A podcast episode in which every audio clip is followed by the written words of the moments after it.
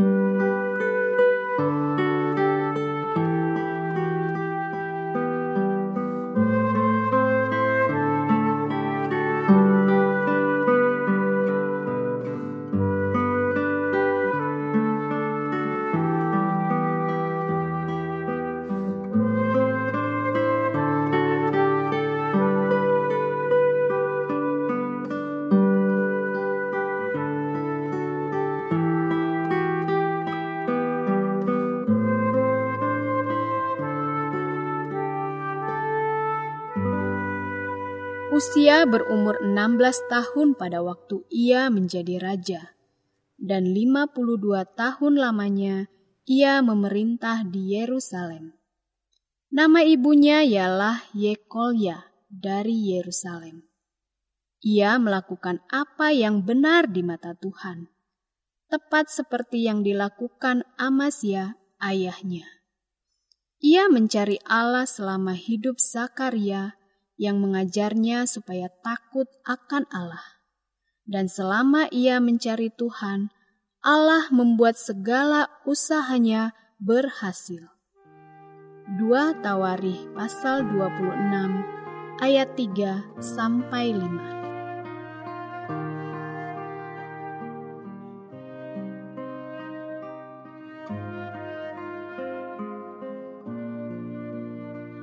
Keberhasilan yang sejati sangatlah ditentukan oleh sikap hati yang menghormati Tuhan. Sebagaimana tidak semua uang adalah asli, namun ada juga yang palsu.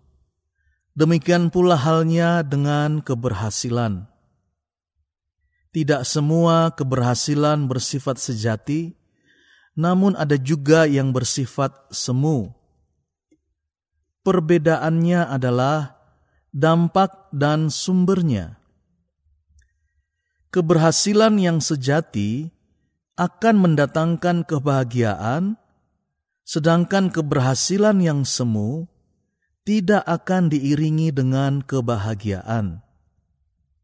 Karena kebahagiaan hanya bersumber pada Tuhan, itu sebabnya keberhasilan yang sejati berasal dari Tuhan. Oleh karena itu, bila sikap hati kita berkenan kepadanya, maka Tuhan akan memberkati kita dengan keberhasilan yang sejati.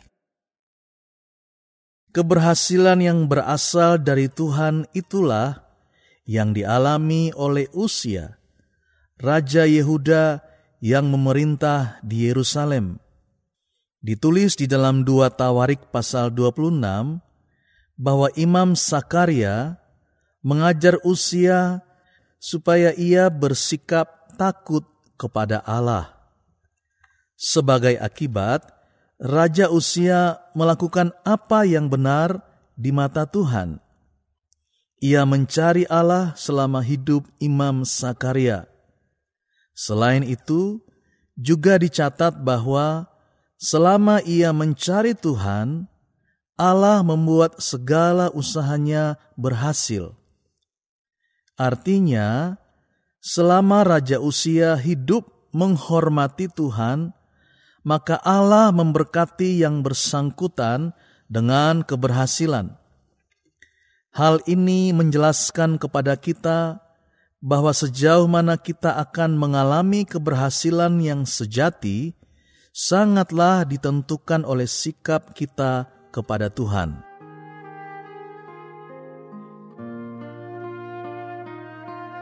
Sudahkah Anda mengalami keberhasilan yang sejati? Apakah yang perlu Anda lakukan untuk mengalaminya?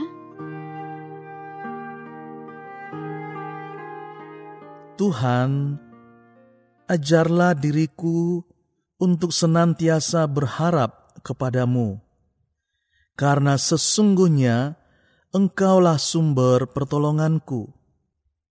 Ajarlah juga diriku untuk senantiasa hidup dengan menyenangkan hatimu, karena sesungguhnya aku diciptakan untuk memuliakan namamu ampunilah diriku bila niatan, perkataan, dan perbuatanku tidak sesuai dengan kehendakmu.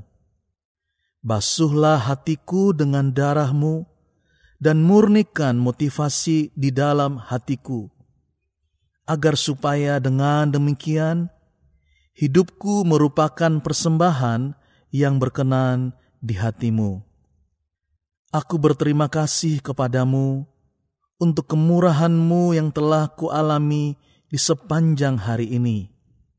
Dengan kasih setiamu yang tidak berkesudahan itu, Engkau telah menyertai dan menuntun hidupku. Di setiap keadaan, aku dapat merasakan kehadiranmu yang memberi damai sejahtera, sukacita, dan berkat yang berlimpah itu di dalam kehidupanku. Aku menyerahkan hari depanku ke dalam tanganmu.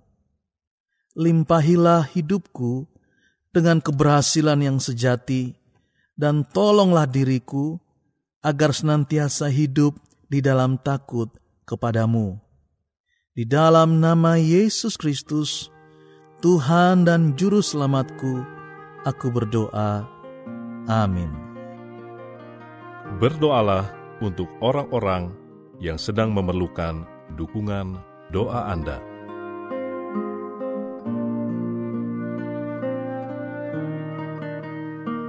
Mari meneduhkan hati di hadapan Tuhan.